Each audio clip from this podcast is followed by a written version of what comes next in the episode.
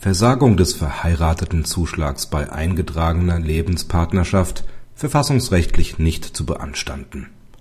Die erste Kammer des Zweiten Senats des Bundesverfassungsgerichts hat die gegen die Versagung des Verheiratetenzuschlags bei eingetragener Lebenspartnerschaft gerichtete Verfassungsbeschwerde nicht zur Entscheidung angenommen, da die Beschränkung des Verheiratetenzuschlags auf verheiratete Beamte wie bereits im Beschluss vom 20.09.2007 ausgeführt verfassungsrechtlich nicht zu beanstanden ist.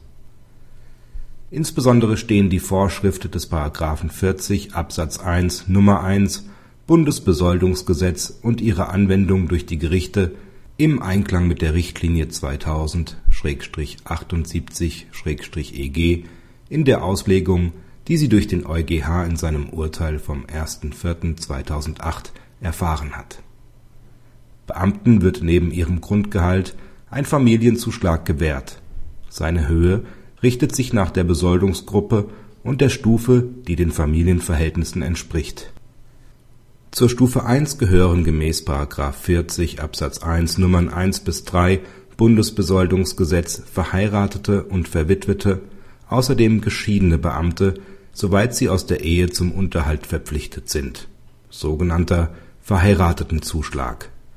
Andere Beamte erhalten nach § 40 Absatz 1 Nr. 4 Bundesbesoldungsgesetz den Familienzuschlag der Stufe 1 nur, wenn sie einer in ihre Wohnung aufgenommenen Person Unterhalt gewähren und das Einkommen dieser Person eine bestimmte Höhe nicht überschreitet